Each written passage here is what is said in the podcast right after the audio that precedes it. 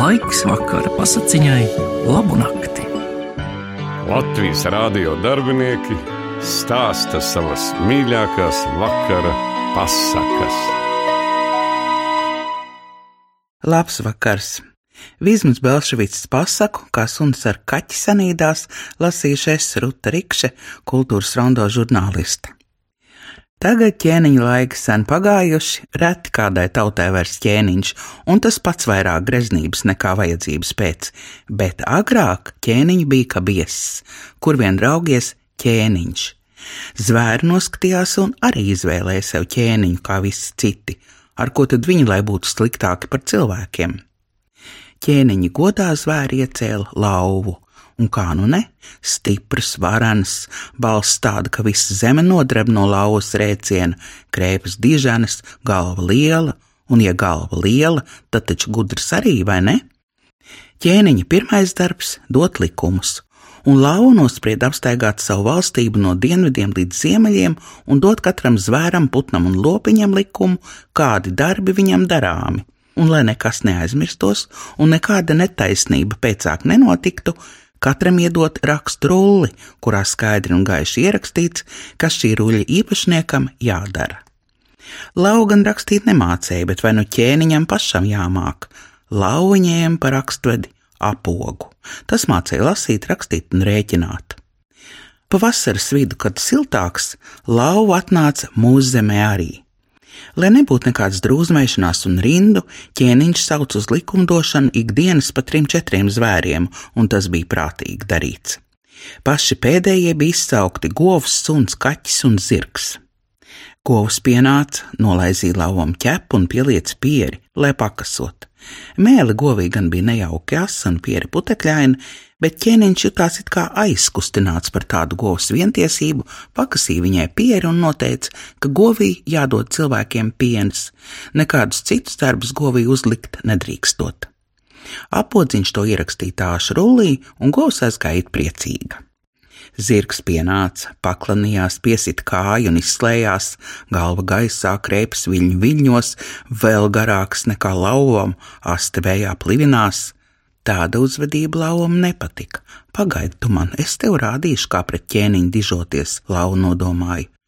Es skatos, tu esi stiprs un varonīgs, tev būs smagus vezumus, arklus un ecēšus vilkt, jātnieku mugurā nest un ar dzīvības briesmām karājiet. Apodziņš to ierakstīja bērnu stāstī, un lauva ar īpašu prieku pavilka savu krustiņu apakšā.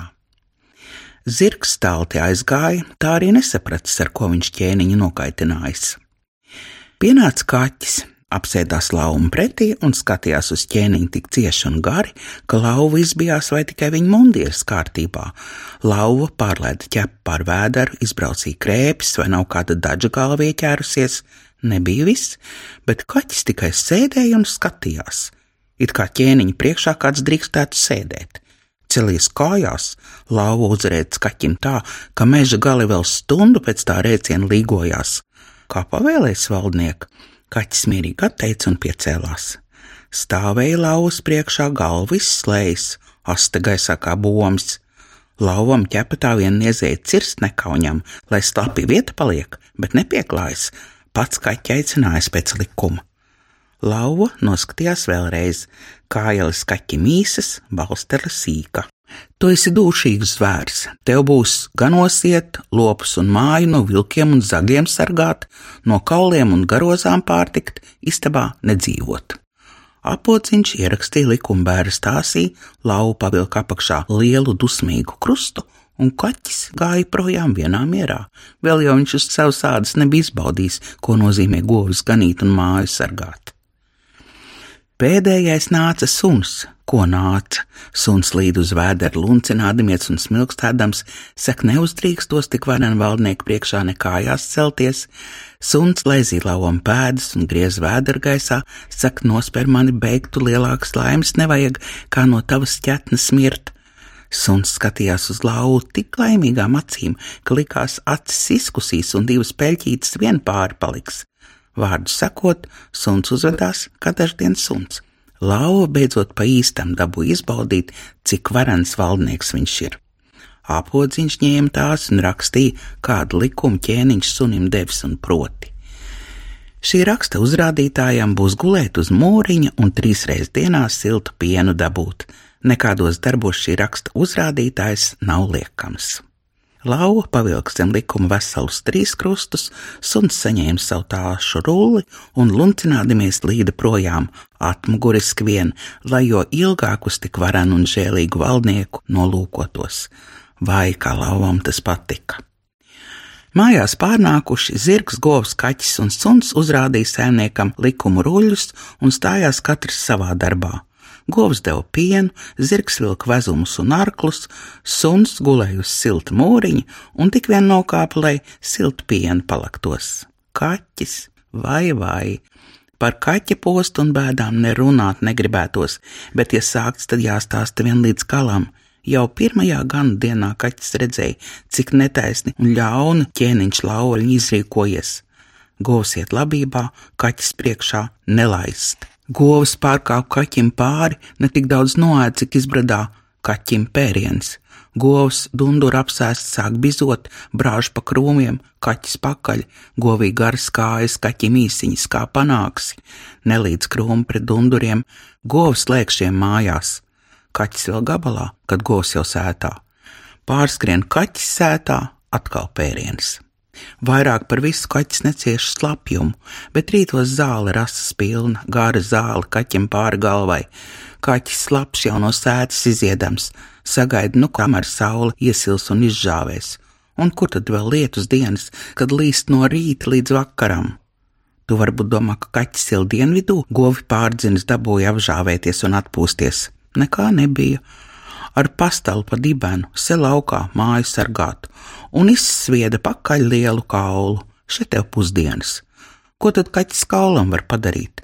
Labi, ja kādu atlikušu gaļas cīpsliņu nolupināt, bet suns, kam tie lielie kaulu graužamie zobi, garās kājas un skaļā balss, lāka pienu un gulēja uz silta mūriņa, vai lielāka netaisnība pasaulē redzēta? Un tad vēl mājas sargāšana. Vienu nakti atnāca zagļi un lauza vaļā saimnieka klēti.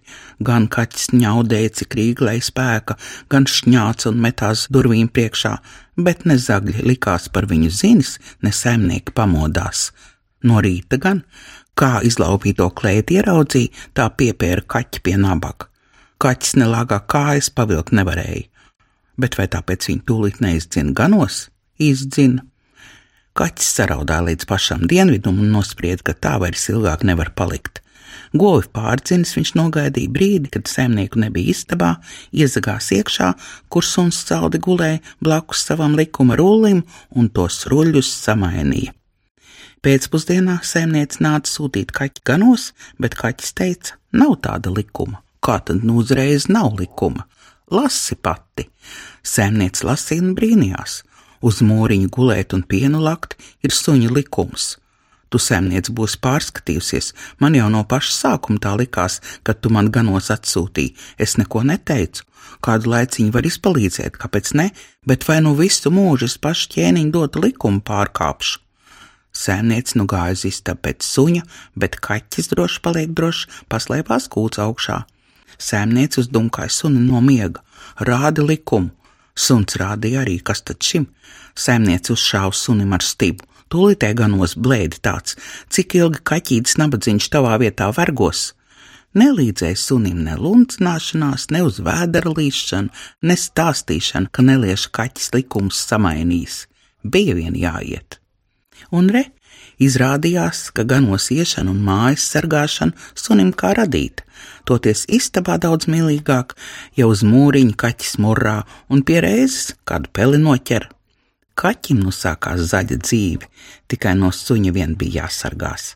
Kā suns kaķi ieraudzīja, tā rēgdams virsū, Kaķim tad vajadzēja sprukt koku augšā un tupēt, kamēr sunim apniks riet un ālēties, vai arī saimniec viņu ganos aizdzīs. Sen jau to laiku suņi, kaķi, zirga un govs vietā, citi suņi, kaķi, zirga un govis, tāšu likuma ruļļi, sabirzuši un pazuduši kur kurais, bet zirgs velk vezumus, govs dod pienu, kaķis guļ uz mūriņa, suns iet ganos, un ja kaķi ierauga, tad trends kokā un nikni rājas par samainīto likumu.